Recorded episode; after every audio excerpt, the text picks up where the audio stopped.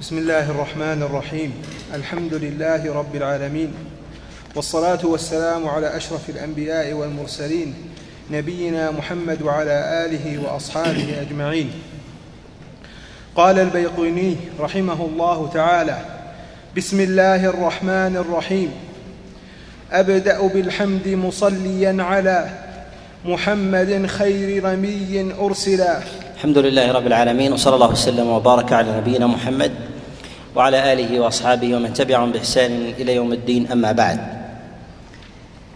ففي عدة مجالس بإذن الله عز وجل نتكلم على شيء من قواعد الحديث وضوابطه وشيء من مسائله وأحكامه وتعريفاته وذلك على ضوء كلام المصنف رحمه الله في هذه المنظومة الميسرة وهي المشتهرة بمنظومة البيقوني أو المنظومة البيقونية. وهذه الرسالة تنم عن علم صاحبها وإن كان وإن كانت كتب التاريخ والتراجم تشح عن التعريف به. وذلك لأنه قليل التصنيف. وكذلك أيضا لم يكن معروفا في زمنه فينقل عنه أهل العلم في تلك في تلك الفترة. والمصنف رحمه الله وهو عمر بن محمد البيقوني هو شامي على الأظهر وشافعي المذهب وهو في القرن الحادي عشر الهجري. وصنف هذه الرسالة اختصارا لمسائل علوم الحديث وقواعده. جمع فيها بأسلوب النظم وطريقته ما ظهر من مسائل علوم الحديث وقواعده واشتهر ويكون بوابة لطالب العلم أن يلج إلى علم الحديث ومعرفة مسائل مسائله وقواعده الظاهرة. علم الحديث وعلم الآلة الموصل إليه بحر لا حد له أن يستوعبه أحد. وذلك لسعة أبوابه وكثرة مسائله وأجناسه وأصنافه وأنواعه وتقاسيمه. في كلام العلماء عليهم رحمة الله ولهذا التصانيف التي يكتبها العلماء في هذا الباب كثيرة جدا لا يستطيع الإنسان أن يتناولها جمعا فضلا أن يتناولها قراءة وحفظا. وذلك لكثرة هذه المصنفات سواء ما يتعلق في أبواب العلل أو ما يتعلق في أمور مصطلح الحديث والمصنفات في ذلك المتقدمة وكذلك أيضا المتأخرة. صنفوا ونوعوا في هذا الباب منهم من صنف في المنثور ومنهم من صنف في المنظوم ومنهم من صنف مختصرات ومنهم من صنف مطولات ومنهم من تكلم على القواعد والمصطلحات ومنهم من تكلم على أبواب العلل الدقيقة و ومنهم من تكلم على تقاسيم الحديث وأنواعه وأجناسه وصنوفه ومنهم من تكلم على رجاله ومتونه ومنهم من جمع المتون ومنهم من جمع الرجال ومنهم من جمع ألفاظ الجرح والتعديل وغير ذلك. وهذه المصنفات كثيرة جدا على ما تقدم الكلام عليه. واعظم طريقة يصل فيها طالب العلم إلى المبتغى ويصل طالب العلم إلى حاجته ونهمه ويتمكن من الآلة تمكنا لا بأس به في أبواب علوم الحديث فيحكم عن علم وبينة وبصيرة بدقة وعناية هو أن يكثر طالب العلم من الممارسة لعلم الحديث. والممارسة في ذلك هي على أنواع. ممارسة بالقراءة والنظر وممارسة بالبحث والممارسة بالبحث حتى يؤتى طالب العلم الملكه في ذلك. وممارسة بالحفظ أن يديم الإنسان المحفوظات بمعرفة الرجال ومعرفة متون الحديث وأنواعه وغير ذلك فإن هذا مما يعين طالب العلم ويعطيه ملكة قوية في هذا في هذا الباب. هذه الرسالة التي بين أيدينا تعتني بما يسمى بمصطلح الحديث ويعبر عنه بقواعد الحديث أو مسائله أو أحكامه. وهذه عبارات في الغالب إنها مترادفة من جهة المعنى وإن كان بين بعضها عموم وخصوص إلا أنها من جهة الإجمال متقاربة. فمنهم من يسمي الكتب المصنفة في في علوم الحديث يسميها بقواعد الحديث ومنهم من يسميها بمصطلح الحديث ومنهم من يسميها بمصطلح الحديث أو مسائل الحديث أو ضوابط الحديث وغير ذلك من المصطلحات التي تجري على ألسنة وأقلام العلماء عليهم رحمة الله. المسائل وأنواع الحديث كثيرة جدا ووفرتها وكثرتها ربما تحير طالب العلم في البداءة في البداءة بذلك. ولكن ينبغي أن نقول إن علم الحديث ينقسم بمجمله إلى قسمين. القسم الأول هو علم الرواية والقسم الثاني علم الدراية. وعلم الرواية وهي النقولات التي تروى عن رسول الله صلى الله عليه وسلم وهي ما كان من علم الأسانيد من علم الرجال ويتفرع عن ذلك الفاظ الجرح والتعديل والعلل الإسنادية وبلدان وبلدان الرواة وكذلك تخصصاتهم وصلة بعضهم ببعض من الشيوخ والتلاميذ وطبقاتهم ومواليدهم ووفياتهم وأعمارهم كثرة سماعهم وغير ذلك. وما يتعلق أيضا بالمرويات وأجناسها وذلك بالمرفوع والموقوف والمقطوع وكذلك أنواع المرفوعات ما كان مرفوعا إلى رسول الله وما كان حديثا قدسيا منسوبا ومرويا إلى الله سبحانه وتعالى وهي أيضا على أجناس وأنواع متباينة. وأما ما يتعلق بعلم الدراية بعلم الدراية فعلم الدراية باب أيضا واسع وهو معرفة معرفة ما يتعلق بعلم الرواية من أحكام. يدخل في هذا بمسائل الفقهية ويدخل في هذا أيضا بالأحكام التعاريف التي يطلقها العلماء عليهم رحمة الله تعالى في هذا. يدخل في هذا أيضا آه، على على تفصيل بعض العلماء أبواب العلل ودقائقه وغير ذلك باعتبار أنها شيء من المعاني التي التي تغلب آه، يغلب عليها النظر النظر المعنوي بعيدا عن التقعيد أو التقعيد أو الضبط في ذلك. والمصنفات في كل باب من الأبواب هي كثيرة جدا أيضا لا عد لها لا عد لها ولا حصر.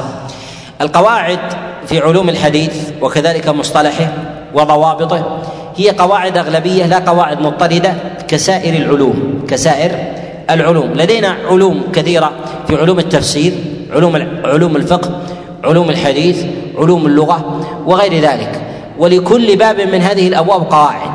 وهذه القواعد إنما هي قواعد أغلبية لا قواعد مضطردة. ومعنى مضطردة أنها لا تنخرم لا تنخرم بشيء يستثنى. وإنما هي قواعد أغلبية تتباين من جهة الاستثناء. منها ما استثناؤها ضعيف وضئيل ومنها ما استثناؤها أكثر من ذلك كأن يوصف بالكثرة ولكنه ليس ليس هو الأكثر. وهذا يعرفه طالب العلم بمعرفة الجزئيات بمعرفة الجزئيات. لأن طالب العلم إذا عرف الجزئيات تمكن من من سبرها ثم بعد ذلك يستطيع أن يحكم على الكليات يعني يحكم على القواعد. فإذا عرف علل الأفراد استطاع أن يوجد العلل العامة التي يشتركون فيها والصحة العامة التي يسلمون التي يسلمون معها. كذلك أيضا مسائل الحديث إذا سبر الأفراد استطاع أن يعطي في ذلك حكما حكما عاما. أراد العلماء عليهم رحمة الله أن يسي أن ييسروا علوم الحديث بما يسمى بقواعده بعد سبرهم ل بعد سبرهم للأفراد والجزئيات. فصنفوا هذه المصنفات. المعروفة بين أيدينا بمصطلح الحديث والمصنفات في مصطلح الحديث على ما تقدم منها منظوم ومنها منثور ومنها مطول ومنها مختصر ومنها متقدم ومنها متأخر فهي متباينة في هذا في هذا الباب من جهة قيمتها ومنزلتها ومنها ما يصنفها عالم محقق محرر ومنها ما يصنفها عالم مقلد يعني يحكي هذه المسائل عن غيره ربما لا يحرر كثيرا كثيرا منها. والنوع الذي يتبناه المحررون المحققون أهل الدقة والدراية والتحقيق في ذلك هي مصنفات لا بأس بها من جهة الوفرة وهي في متناول في متناول الجميع. وكلما كان التصنيف أقدم فإنه أكثر تحقيقا. وذلك لقربه لقربه من آه، من الزمن الأول وهو زمن الدراية والحفظ وسعة وسعة العلم وقوة الملكة وسلامة اللغة بخلاف المصنفات المتأخرة في في هذا الباب. هذه المسائل لا تعطي طالب العلم ملكة على أن يحكم على الجزئيات ولكن يحكم على الأغلب أن يحكم على الأغلب والكليات الجزئيات بمعنى أن الإنسان إذا درس هذه القواعد لا يستطيع أن يحكم على أجزاء الأحاديث كلها بحكم صحيح. ولكن هو يستطيع أن يحكم على أغلبه على أغلبها. ولا يحكم على على أفرادها ويكون في ذلك حكمه حكمه صحيح. اذا ما الواجب على على طالب العلم في هذا؟ الواجب على طالب العلم أن يعلم قيمة المصنفات في علوم الحديث أنها مفاتيح. تفتح لطالب العلم ابوابا يلج إلى مسائل الحديث الدقيقة في هذا الباب في مسائل علوم الرواية ومسائل علوم الدراية. ولهذا الذي يعتني بعلوم المصطلح لا يكون طالبا متمكنا وإنما طالبا أخذ مفاتيح العلم وما أخذ وما عرف دواخله وما عرف دواخله. فإنه لكل بناء أبواب ولكل أبواب مفاتيح وأخذ هذه المفاتيح حتى يستطيع أن يلج إليها ويميز ويميز هذه من هذه فيعرف الدور ويعرف أيضا في ساحاتها وغير ذلك فإذا ولج إليها استطاع أن يأخذ لكنه ما استطاع أن يحكم عما عما في داخلها. وكيف يستطيع طالب العلم أن يصل إلى هذا؟ يستطيع طالب العلم أنه أنه إذا ولج إلى هذا العلم تتبع المسائل الفردية واستوعبها. فأخذ تلك القواعد حتى حتى يتيسر لديه الحكم على الجزئيات.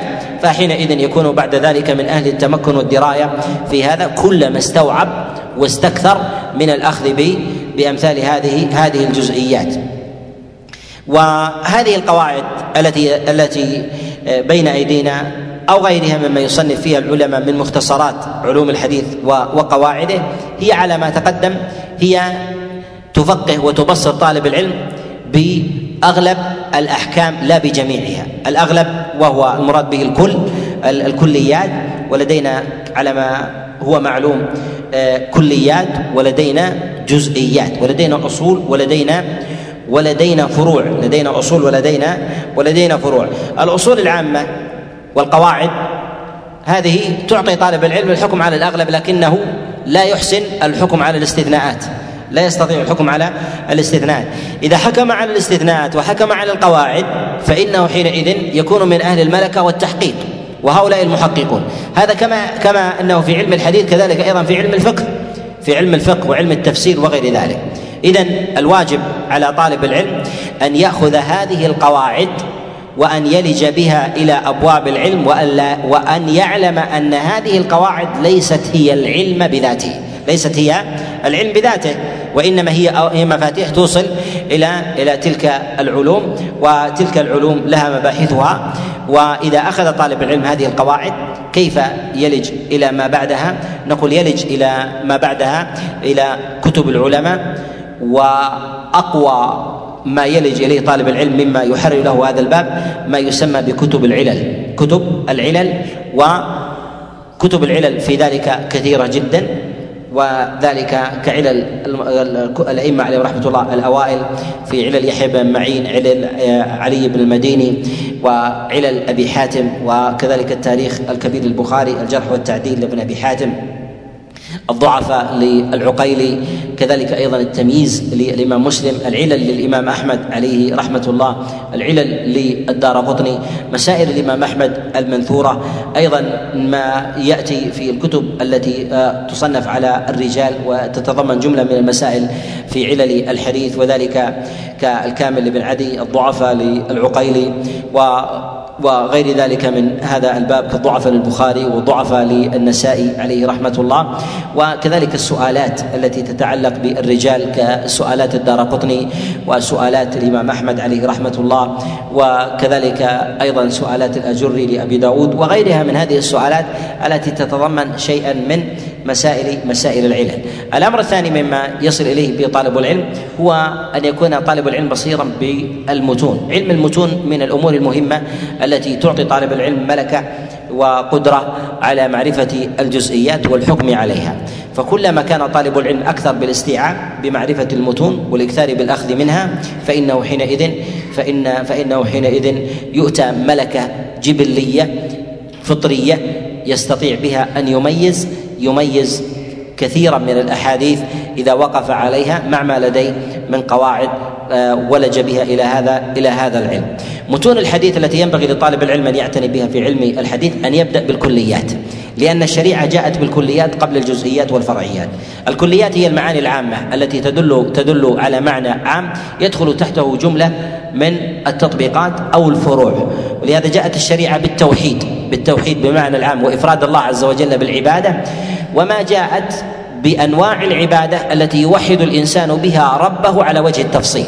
ولهذا الصيام لا يجوز أن تصوم لغير الله وإنما الصيام لله. ولكن جاء الصيام بعد ذلك من جهة أجناس العبادة التي تصرف لله. جاء بالتوحيد إفراد الله بالعبادة وجاء بالنهي عن الشرك. وهذه الكليات والأصول العامة في العامة في الشريعة.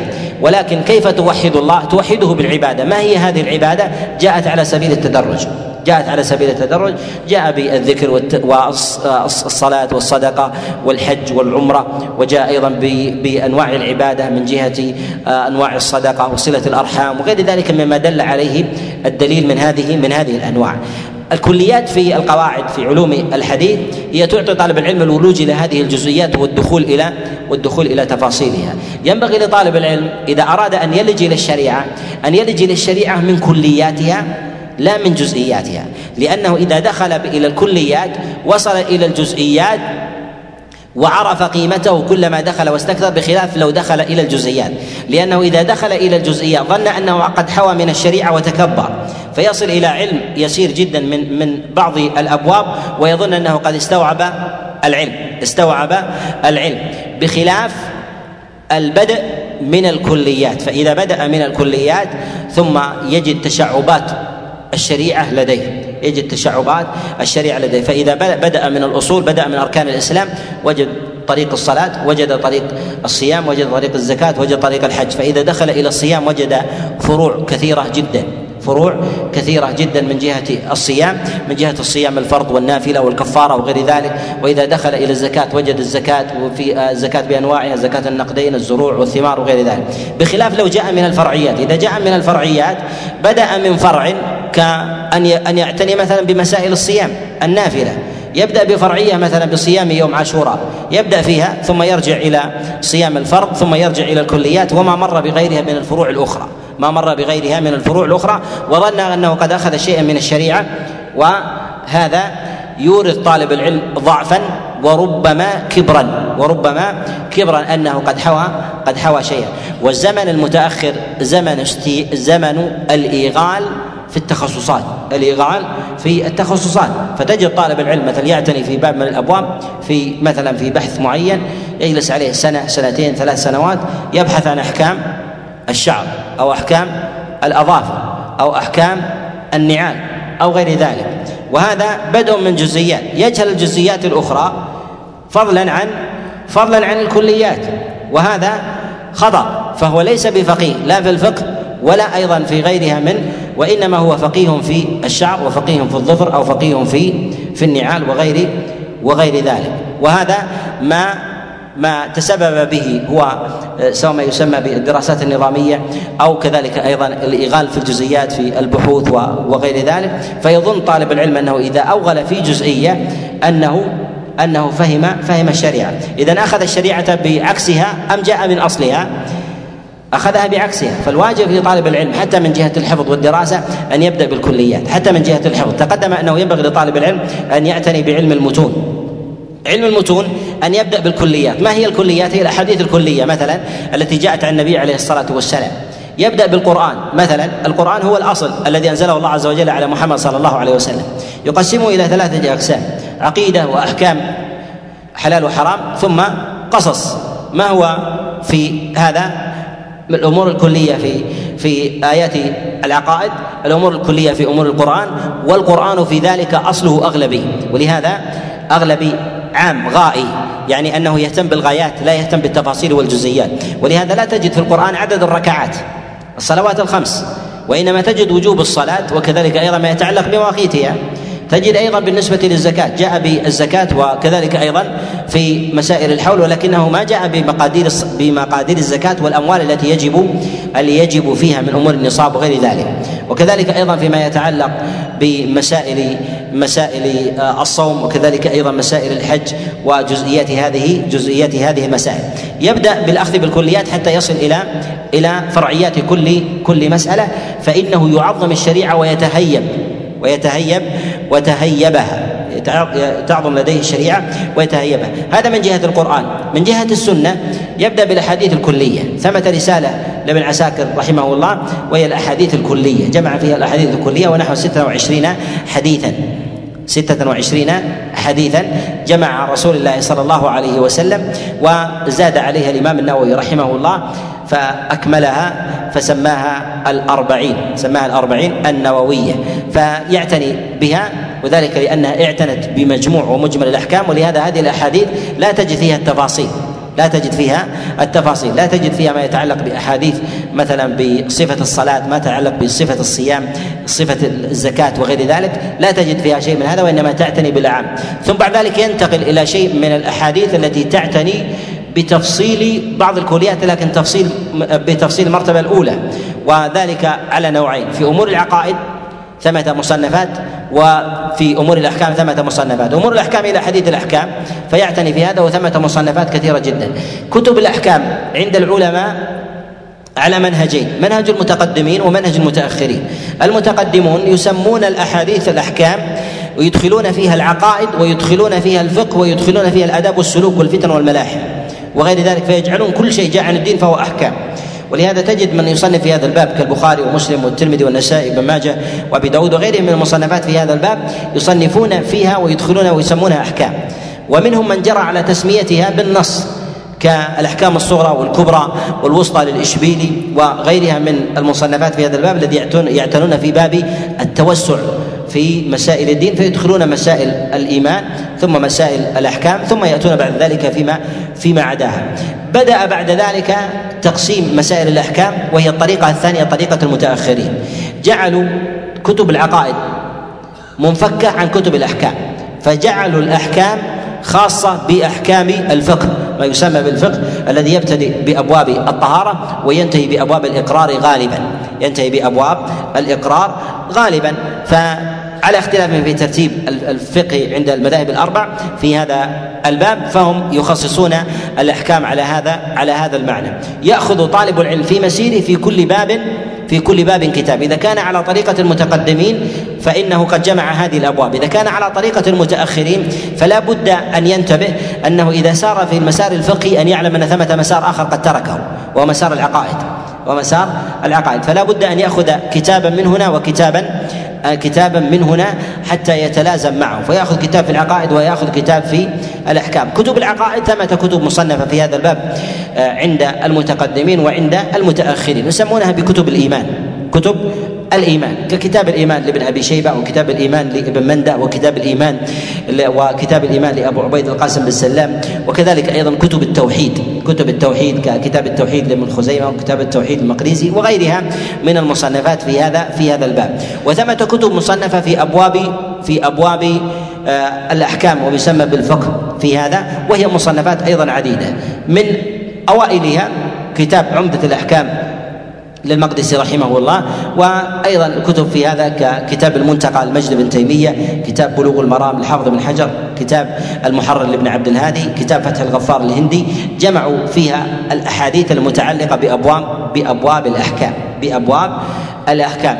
إذا بدأ بالشريعة من ابتدائهم من نقطته الأولى من الكليات فإن الإنسان يعرف ما يفوته من العلم. ما يفوته من العلم ويستوعبها كما استوعبها كما استوعبها الأوائل وأتقنوها. وأدركوا ما فاتهم من العلوم. ما فاتهم من من العلوم. ولكن لما كثرت هذه الجزئيات والفرعيات من علوم الشريعة عند المتأخرين فأصبح كالخيوط والهدب المترامي إذا أمسك بهدب من فروعها ظن أنه قد أمسك بالشريعة. قد أمسك بالشريعة. ولو ابد ولو بدأ من أعلاها ونظر كثرة ما تفرع منها أيقن أنه ما أخذ إلا شيئا يسيرا وأنه قد فاته شيء كثير ينبغي عليه أن يستدرك أن يستدرك إياه ولهذا من بدأ بالجزئيات يزداد إيغالا فيها حتى ينقضي عمره ويكتشف أنه قد جهل شيئا شيئا كثيرا وفاته شيء كثير في هذا في هذا الباب. العلماء عليهم رحمة الله في علوم الحديث ومنها هذه الرسالة يعتنون بقواعد الحديث وضبطه من باب لم ذلك الشتات المتفرع في ماذا؟ في علم الحديث فقط، أرادوا أن يعيدوه إلى شيء من إلى شيء من اصله. وذلك لكثرة المصنفات في هذا الباب. أنصح طلاب العلم الذين يبدأون بعلوم الحديث بجملة من النصائح أول هذه النصائح ألا يعتنوا بالمطولات الكثيرة في علوم قواعد الحديث ومصطلحه وأن يبدأوا بالمختصرات اليسيرة. المختصرات اليسيرة كالبيقونية والموقظة ونخبة الفكر ونزهة النظر شرحها وغيرها من هذه المصنفات اليسيرة في هذا في هذا الباب. وهي مصنفات متعددة وأكثر المصنفات في هذا الباب هي مصنفات الأئمة الشافعية لأنهم قد اعتنوا في هذا الباب أكثر من غيرهم من من بقية من بقية المذاهب. فيعتني طالب العلم بهذا الباب و وبالمختصرات ثم بعد ذلك ينتقل إلى الكتب المتوسطة الكتب المتوسطة في هذا التي ليست هي بالمطولات وليست هي وليست هي بالمختصرات وهذه المتوسطة كتدريب الراوي وغيرها. وأما الكتب المطولة كالمنظومات من الألفيات وشروحها كفتح المغيث في شرح ألفية الحديث فهذه أنصح طالب العلم أن تكون مرجعا له أن تكون مرجعا له لا أن يعتني ويوغل بجزئياتها لماذا؟ لأنها لا تفيد طالب العلم كثيرا في في التطبيق لا تفيد طالب العلم كثيرا في التطبيق. لماذا؟ لأسباب. السبب الأول أنهم يوغلون في جزئيات لا أثر لها في التطبيق. ثانيا أنهم يوغلون في تفاصيل خلافها لفظي خلافها خلافها لفظي. أو ربما أيضا أو ربما آه، أيضا آه، هي من جهة الثمرة وعائدتها على الإنسان يسيرة جدا. الأمر الثالث لأن هذه المطولات فيها تأثر بطرائق المتكلمين فيها تأثر بمناهج بمناهج المتكلمين. مناهج المتكلمين دخلوا في علم الحديث كما لا يخفى. المتكلمون دخلوا في هذا الباب دخلوا في قواعد الجرح والتعديل دخلوا في أيضا في قواعد الحديث دخلوا في في أبواب العلل. و دخلوها لا عن طريق ممارسة للجزئيات وإنما عن نوع من التقعيد. وهذا التقعيد آه، إذا قعد الإنسان وليس بممارس دخل في دائرة التقليد لمن قعد. ولهذا تمكن الأصوليون من التقليد في علوم الحديث تمكنا ظاهرا ولم يكن لديهم شيء من التحرير إلا النزر اليسير إلا النزر اليسير. وهذا ما أثر على الكتب المطولة في هذا في هذا الباب. الكتب المطولة في هذا الباب. فيتكلمون مثلا على الجرح مقدم على التعديل أو الجرح لا يقبل إلا مفسرا. وهذه التقعيدات وهذه القواعد يأخذونها عن بعضهم. يأخذونها عن بعضهم ولهذا تجد أمثلتهم عند المتأخرين. هي الأمثلة عند المتقدمين ولا يجدون مثالا. فإذا كان لا يجد مثالا يمثل به على مدى 400 سنة أو 500 سنة فكيف يحرر في يحرر في جزئيات في التطبيق مما يدل على أن هذا إنما هي حكايات لمسائل يقفون يقفون عليها في مصنفات في مصنفات غيرهم. ولهذا التحرير فيها فيها ضئيل. فأنصح طالب العلم في ذلك أن أن يجعل المطولات هي للمرجع فلا يعتني لها رجوعا فلا, فلا يعتني بها حفظا ولا يعتني بها اغالا بالتتبع القراءة. ما الذي يعتني به طالب العلم؟ وهي الوصية الثانية أن يعتني طالب العلم بكتب العلل. كتب العلل هي تعتني بجزئيات الجزئيات بدقائق المسائل بدقائق المسائل.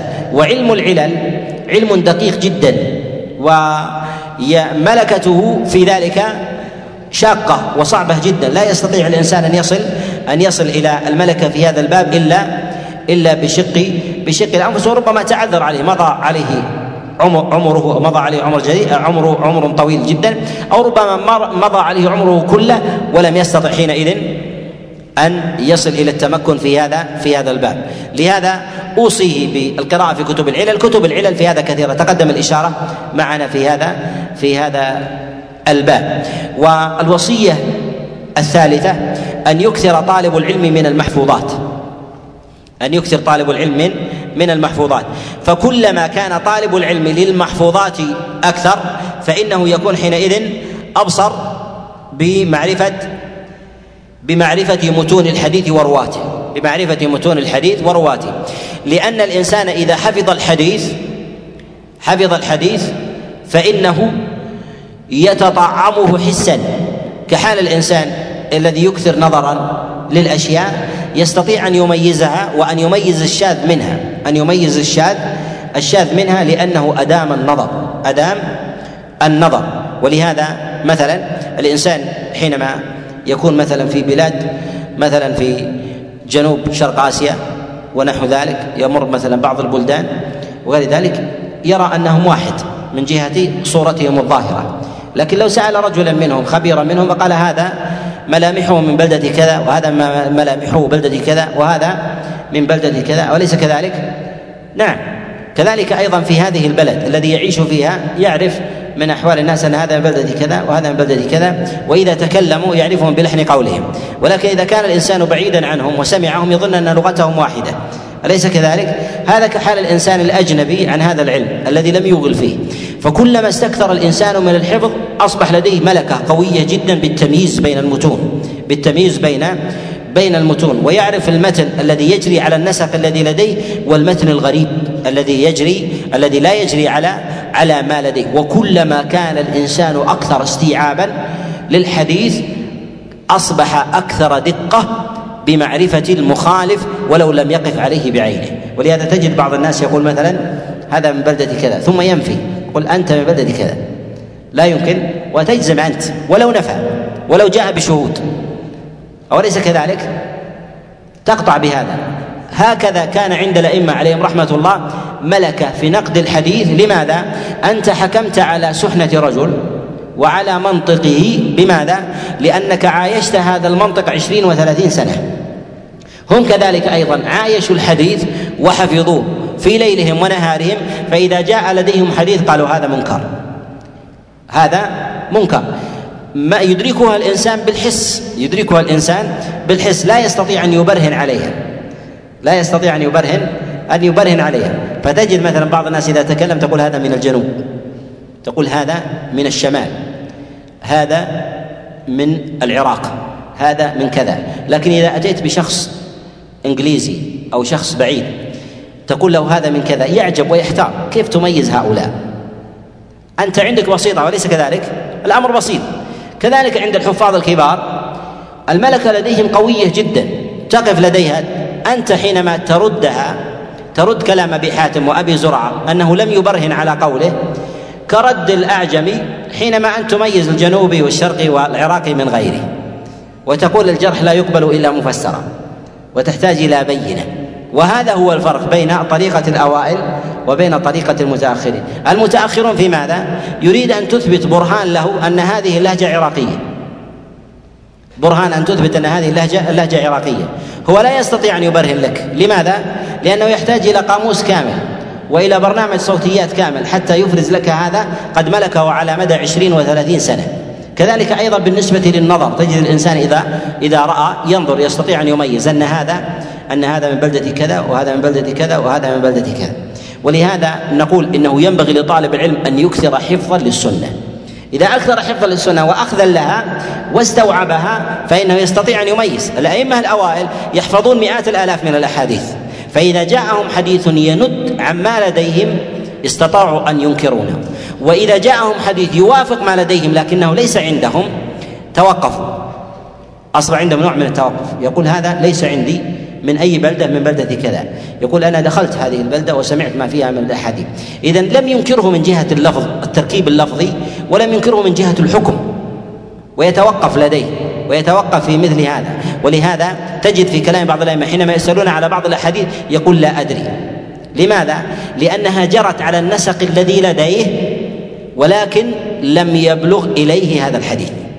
لم يبلغ إليه هذا هذا الحديث. وإذا لم يجري على النسق الذي عنده بادر بإنكاره.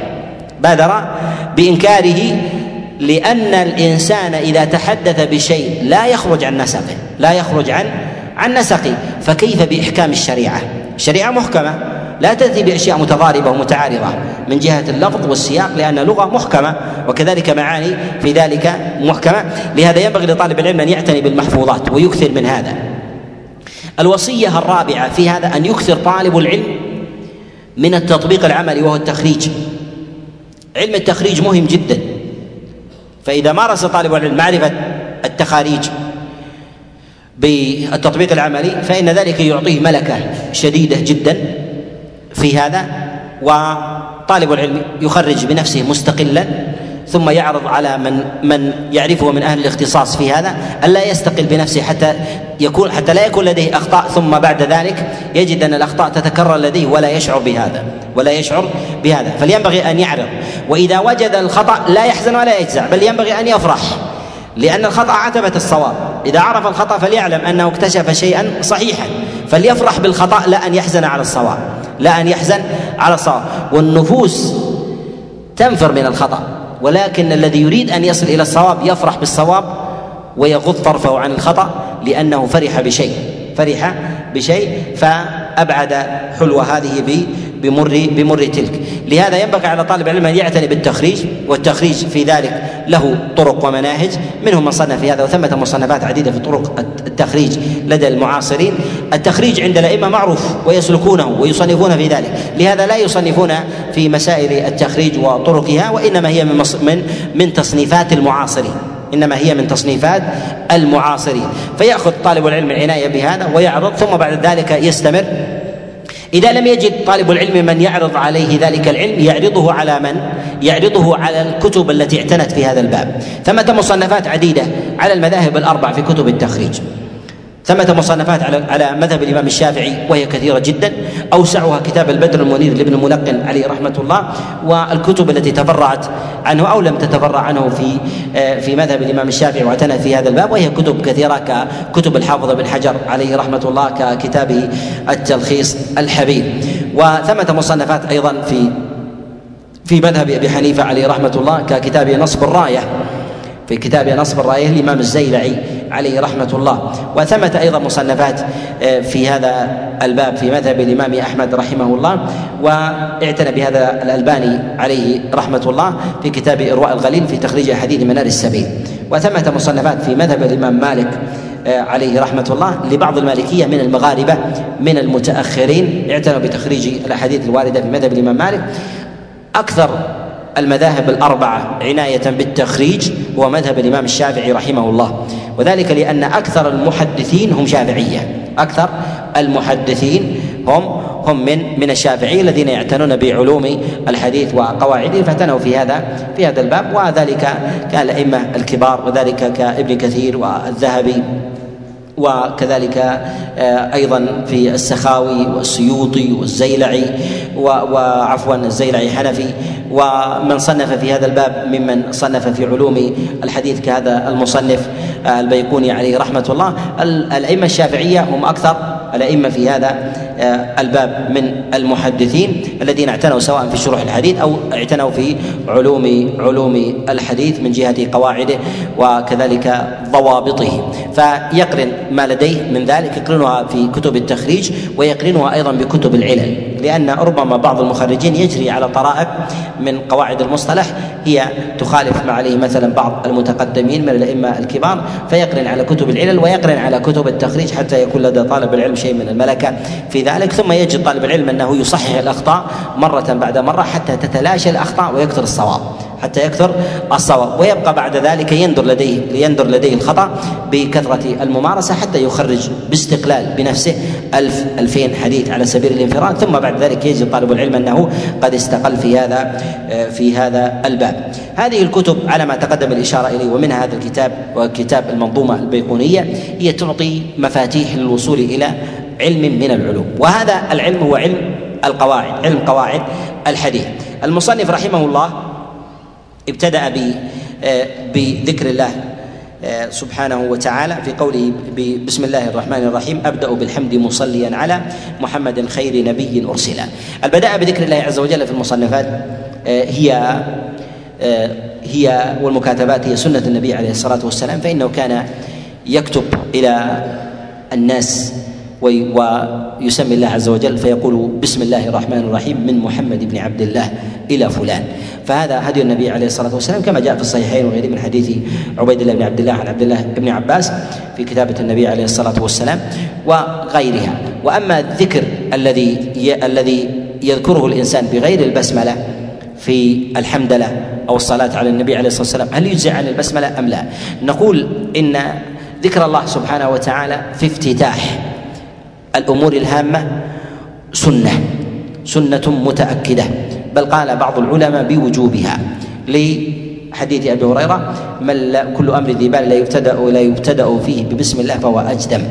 وقالوا هذا هذا دليل على الوجوب ولكن هذا الحديث معلول وذلك أن يرويه خطيب البغدادي من حديث الزوري عن أبي سلمة عن أبي هريرة وهو معلول ب وهو معلول بالإرسال وهو معلول بالإرسال.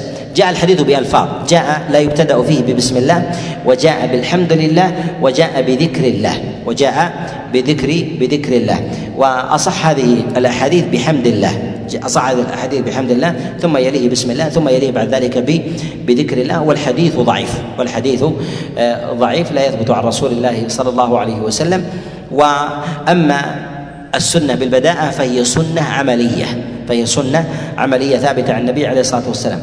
كيف يبدأ في آه، في آه، أمره؟ وكيف يفرق بين البداء بالبسملة وغيره؟ نقول إن ذلك على أحوال. الحالة الأولى ما يكون في المكاتبات.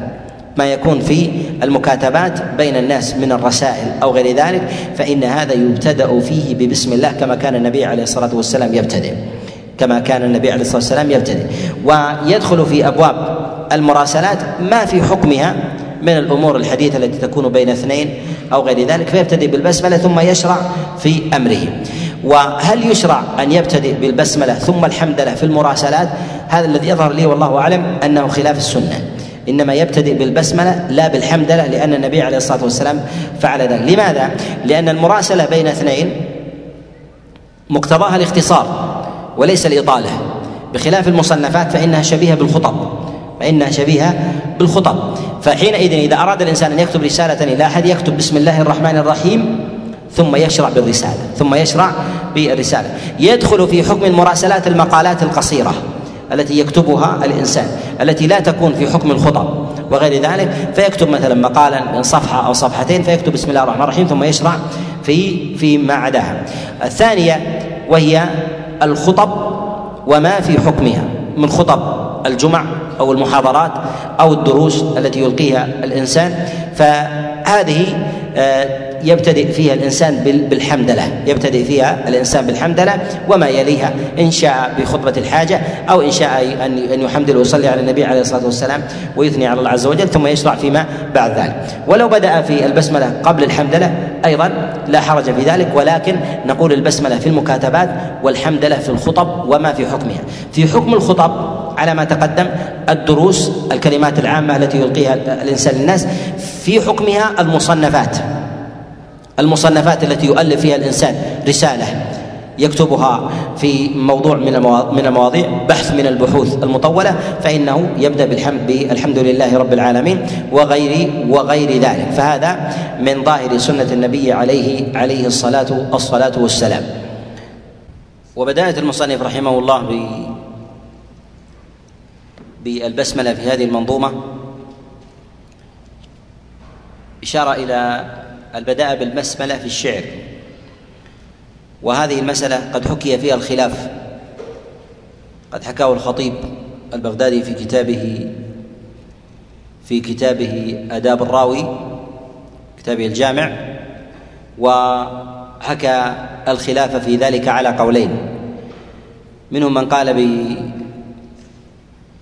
بجواز أو استحباب رواية أو البسملة بالمنظومات والشعر ومنهم من قال بعدم استحباب ذلك وكراهته.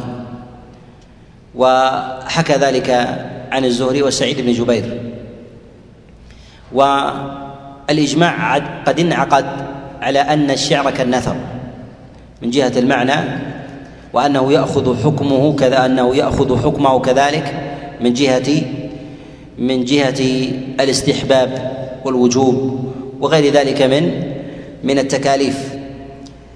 قال رحمه الله مصليا على محمد خير نبي ارسلا وذي من أقسام الحديث عدة وكل واحد أتى وحده. يقول هنا وذي من أقسام الحديث عدة يعني وهذه من أقسام الحديث عدة. أقسام الحديث كثيرة وأيضا حصرها شاق وذلك لكثرة أنواعها واعتبارات العلماء في تقسيمها. واختلف العلماء عليهم رحمة الله تعالى في الاعتبارات التي يقسم لأجلها الحديث على اختلاف مناهجهم ومسالكهم في ذلك. ومجمل ذلك أنهم يختلفون في تقسيم الأحاديث بحسب الاعتبار. ونقول إن أقسام الحديث على اعتبارات. الاعتبار الأول باعتبار باعتبار ناقله. باعتبار ناقل الخبر وهو إسناد. وذلك أنه على نوعين. حديث آحاد وحديث متواتر. والحديث المتواتر في ذلك ما تتابع النقلة على على روايته حتى يستحيل تواطؤهم على الكذب. والتواتر في اللغة هو التتابع الذي لا يتخلله انقطاع. فكثرة الرواة على شيء يدل على صدقه فكلما كانوا أكثر كان الصدق في ذلك أظهر. ولهذا كان المتواتر ثابتا بطريق الضرورة بطريق الضرورة عند المتكلمين. قال ولا يحتاج في ذلك إلى إلى بحث. واختلفوا في حد التواتر على أقوال والأقوال في ذلك لا حجة عليها من جهة الحصر. ولكن نقول من جهة النظر أن أنها مدركة بالحس أن ما استفاض من وتتابع من النقلة مما يستحيل حسا ونظرا وعقلا تواطؤ هؤلاء النقلة على الكذب. فتعددت مخارجهم وأخذهم فإن هذا أمارة على على صدقهم. ومنهم من يجعل الحديث المتواتر هو عبارة عن الحديث الثابت بطريق بطريق الضرورة. يعني لا بطريق بطريق بطريق النظر. وأما العلم الذي يحتاج إلى نظر من جهة الإثبات قالوا فهو خبر الآحاد وهو النوع الثاني.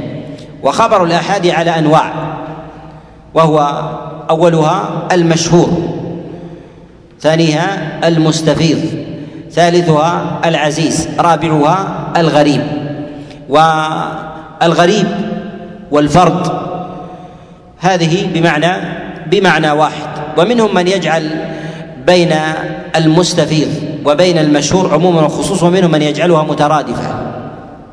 والعزيز هو ما يرويه اثنان عن اثنان ما يرويه اثنان عن اثنين.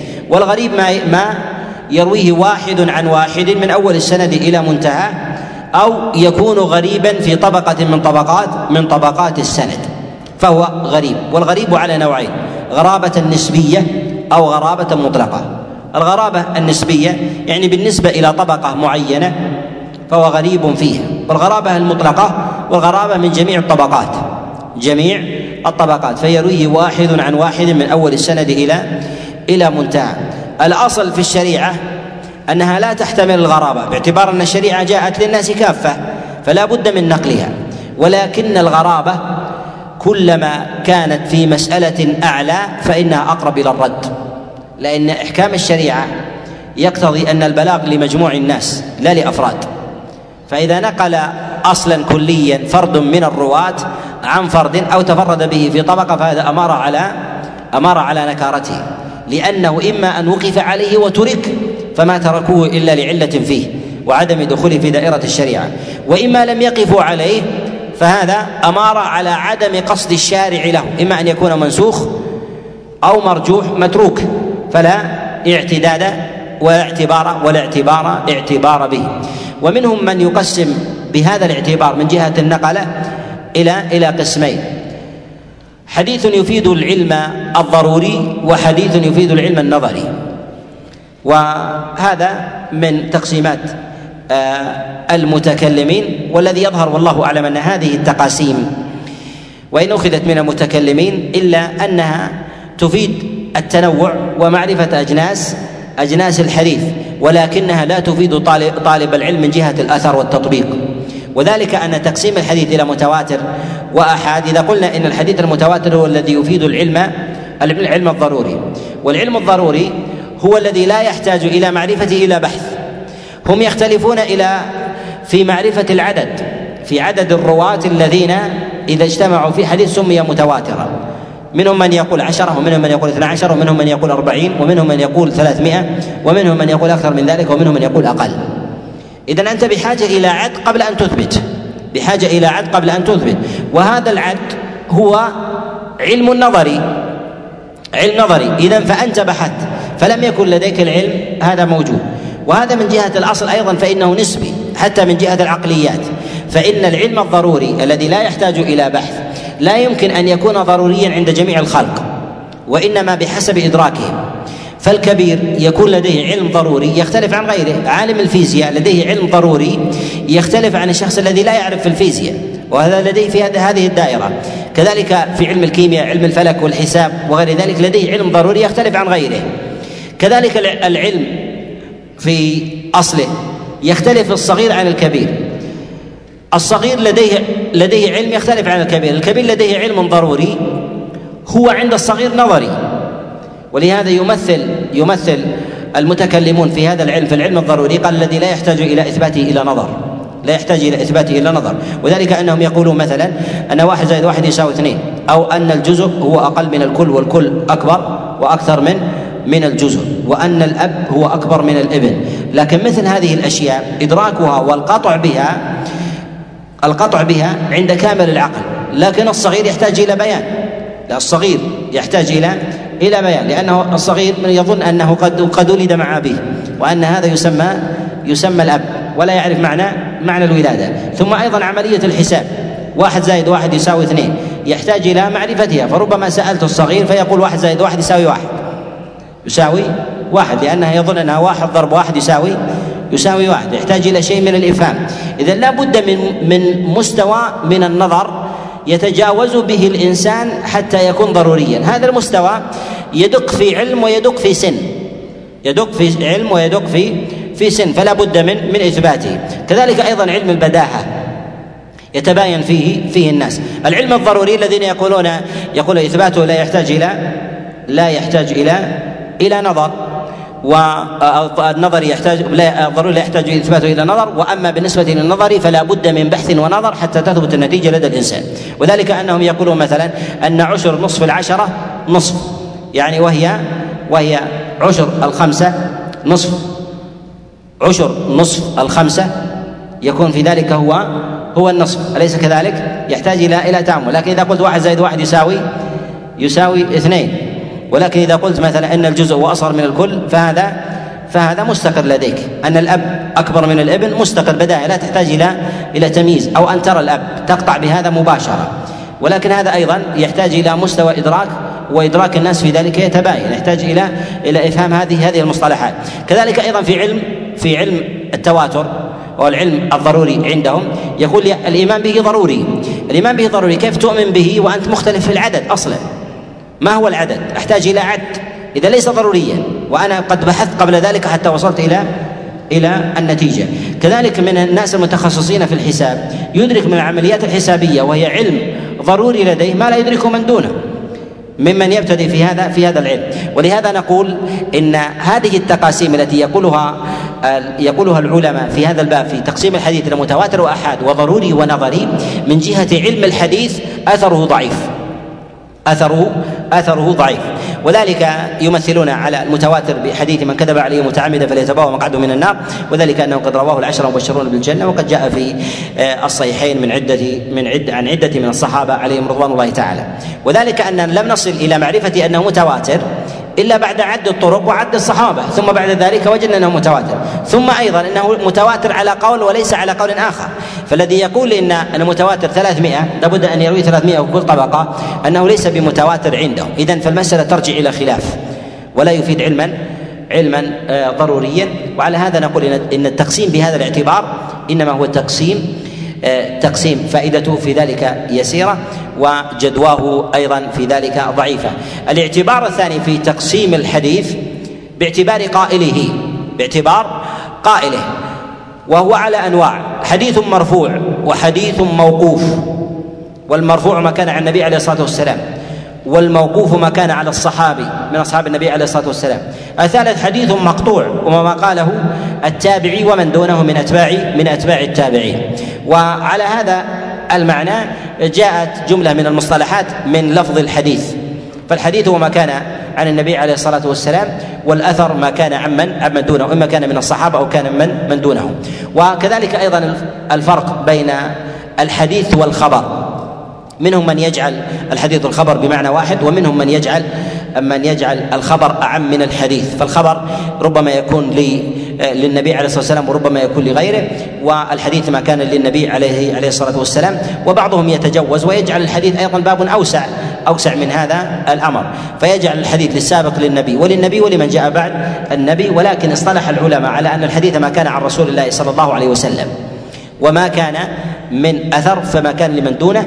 وأما بالخبر فإنه يدخل فيه الحديث المرفوع المرفوع والموقوف المرفوع والموقوف وعلى هذا التقسيم أيضا ثمة معاني إطلاقهم للمسند إطلاقهم للمسند. فالمسند يريدون بذلك هو المتصل إلى رسول الله صلى الله عليه وسلم. المسند والمتصل إلى رسول الله صلى الله عليه وسلم. ثمة مصنفات على هذا المعنى عند العلماء عليهم رحمة الله. ثمة مصنفات تعتني بالمرفوعات وذلك كالكتب الستة مسند الإمام أحمد سنن الدارمي وصحيح ابن خزيمة صحيح ابن حبان وغيرها من هذه المصنفات. وثمة مصنفات تعتني بالموقوفات قصدا وذلك كمصنف عبد الرزاق ومصنف ابن أبي شيبة الموطأ الإمام مالك وكذلك أيضا آه، بعض كتب التفسير كتفسير ابن جرير الطبري تفسير عبد بن حميد تفسير ابن المنذر وغيرها من كتب التفسير التي في جلها إنما هي آثار وموقوفات وثمة أيضا مصنفات في هذا ك كتب ابن عبد البر رحمه الله. فإن هذا من مظانها معرفة السنن والآثار للإمام البيهقي. سنن البيهقي هي خليط بين المرفوع والموقوف ويكثر فيها الموقوف ويكثر فيها المرفوع. أيضا. وكذلك أيضا بالنسبة لأقوال التابعين ثمة مصنفات متأخرة تعتني بالنقل في آه، عن أقوالهم وهذا يكثر في كتب التاريخ. يكثر في كتب التاريخ وذلك كتاريخ ابن عساكر وتاريخ آه، آه، تاريخ دمشق لابن عساكر وتاريخ البغداد للخطيب البغدادي وغيرها من كتب التاريخ التي تعتني بالتاريخ بعد توسع ورقعة العالم الإسلامي بين فتوحات العراق والشام ومصر واليمن وغير ذلك. فهذه أكثر الأحداث إنما تأتي عن التابعين فمصنفات في ذلك آه، تنقل عنهم كثيرا فهي من مظان الرواية عنهم في في ذلك. والاعتبار الثالث باعتبار حكمه باعتبار حكمه وذلك في كل حديث صحيح وضعيف وحسن. ومنهم من يجعله على قسمين صحيح وحسن. ويجعل ما علا من الحسن في حكم الصحيح وما دنا من الضعيف في حكم الضعيف في حكم آه، الضعيف وكل واحد على مراتب ودرجات في الصحيح على مراتب منها ما على شرطه وذلك كصحيح البخاري ومسلم فإن شرطه شرطهما في فإن شرطهما في ذلك قوي جدا يختلف عن شروط آه، غيرهما ومنها ما دون ذلك ومنها الصحيح لذاته ومنها ما ما هو الصحيح آه، لغيره ولهذا اعتنى العلماء عليهم رحمة الله بالعناية باصح الأسانيد. ويسمى بسلاسل الذهب فيقولون اصح الأسانيد آه، في المدنيين مالك عن نافع عن عبد الله بن عمر أو الزهري عن سالم عن عبد الله آه، بن عمر وحديث آه، الكوفيين في اصحها في إبراهيم عن علقمة عن عبد الله بن مسعود عليه رضوان الله تعالى ويذكرون في الحديث الحسان وكذلك الحديث الضعيفة انواعا كثيرة جدا نكملها في البحث فيها في الغد بإذن الله تعالى. نكتفي بهذا القدر وصلى الله وسلم وبارك على نبينا محمد.